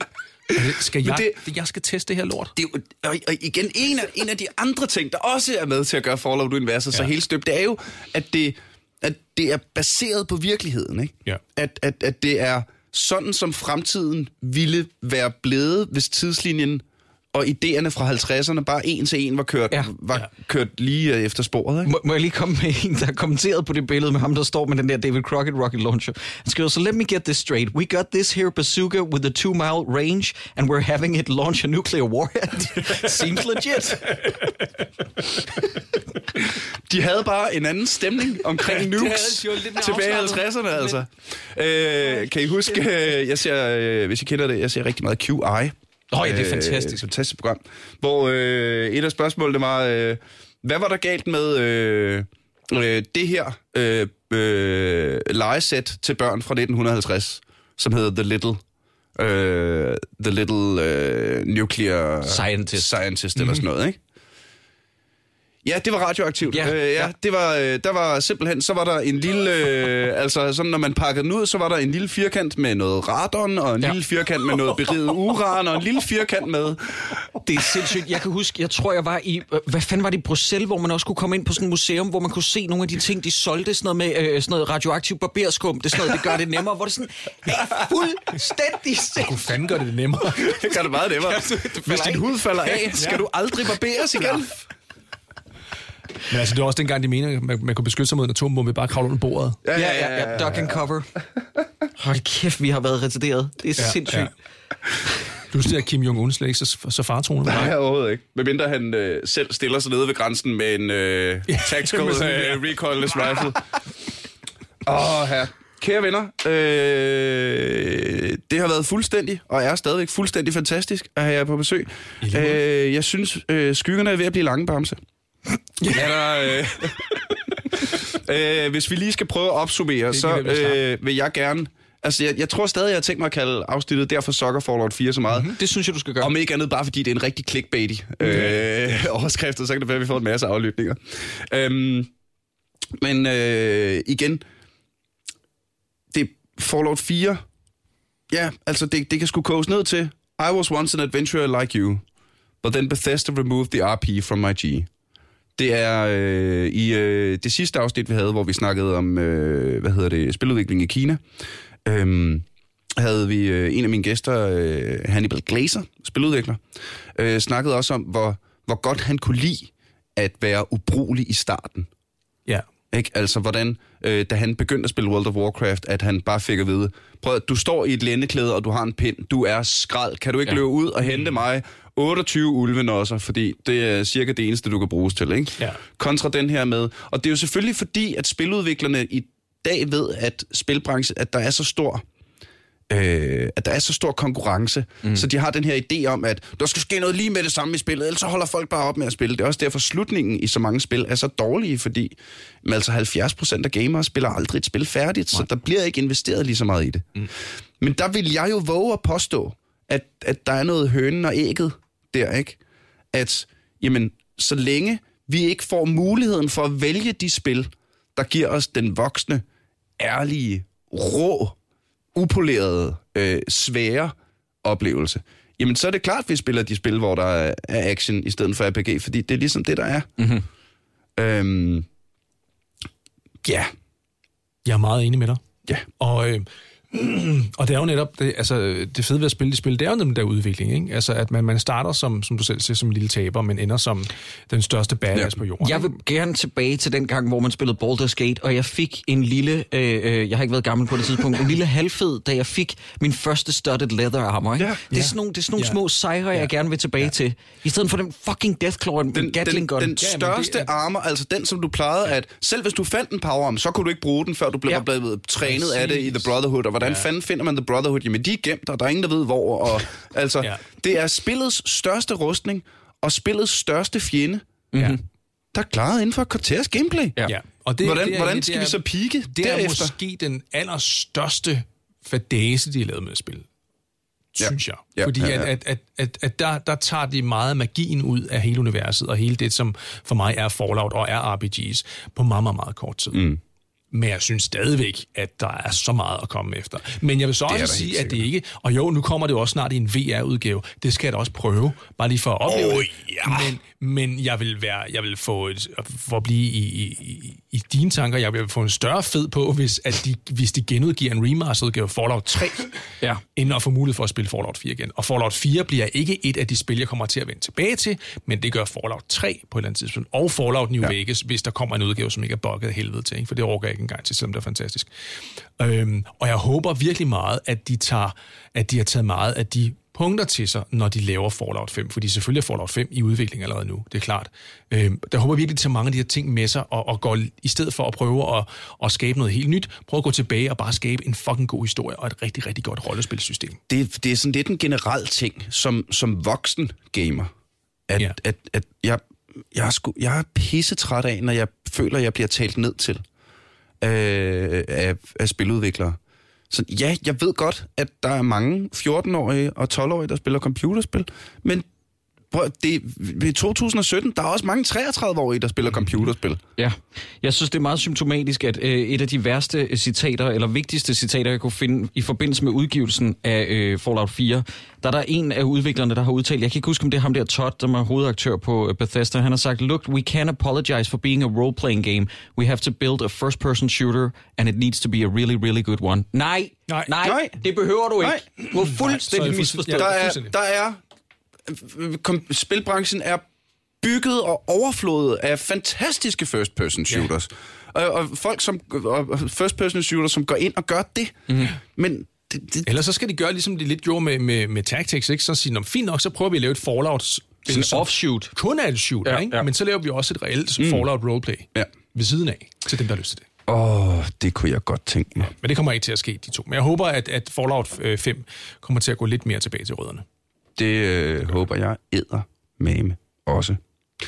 Er der mere, I vil tilføje, drengen? Nej, ikke andet end, at det har været en fornøjelse, og tak fordi du gad at have os på besøg. Det har været fantastisk. Øh, tusind, tusind tak, fordi I havde lyst. Det var, øh, jeg kunne simpelthen ikke have ønsket mig bedre gæster lige til det her afsnit. Åh, oh, hvor du sød. Og øh, det betyder selvfølgelig også, at øh, du, som sidder derude, skal opfordres helt vildt til, at øh, hvis du ikke har fået din øh, podcast Hunger Satisfied, så tag og hør noget af Han Duo. Det er pissegodt. Drengene er, som du lige har fået bevis for de sidste øh, næsten halvanden time, sindssygt dygtige og søde. Derudover kan jeg fortælle dig, at øh, det her afsnit af Aldrig AFK er sponsoreret af Nils Forsbergs stand-up shows. Øh, fordi øh, det er jo sådan, at øh, grunden til, at jeg overhovedet har fået lov til at lave det her podcast, det er, fordi jeg har brugt de sidste 5-6 år på at lave nørde stand-up. Så øh, hvis du har lyst til at høre noget på det, så tag og smut ind på motherload.dk og tag og download nogle af alle mine nørde stand-up shows. Det handler om gaming og Star Wars og Ninja Turtles og Magic Court og rollespil og alt andet blandet godt fra, øh, fra nørdeposen. Indtil da, så øh, er du selvfølgelig også meget, meget velkommen til at øh, svinge forbi og like Aldrig FK på Facebook. Det øh, er sgu den nemmeste måde at øh, vise os, at du er rigtig glad, og også den nemmeste måde at komme i kontakt med os på, hvis du har en, øh, en god idé til noget, vi skal snakke om, eller ris og ros. Og hvis du, mens du er derinde, lige skulle få lyst til at lige nominere os, og lige give os en kæmpe masse stjerner, og fortælle, os, at vi, og fortælle resten af verden, at vi er rigtig søde, og alle dine venner, og det er en dejlig podcast, så er du selvfølgelig meget velkommen til det. Ellers øh, tak fordi du lyttede med, og håber du er klar igen i næste uge, hvor vi en gang til er aldrig AFK. Pow!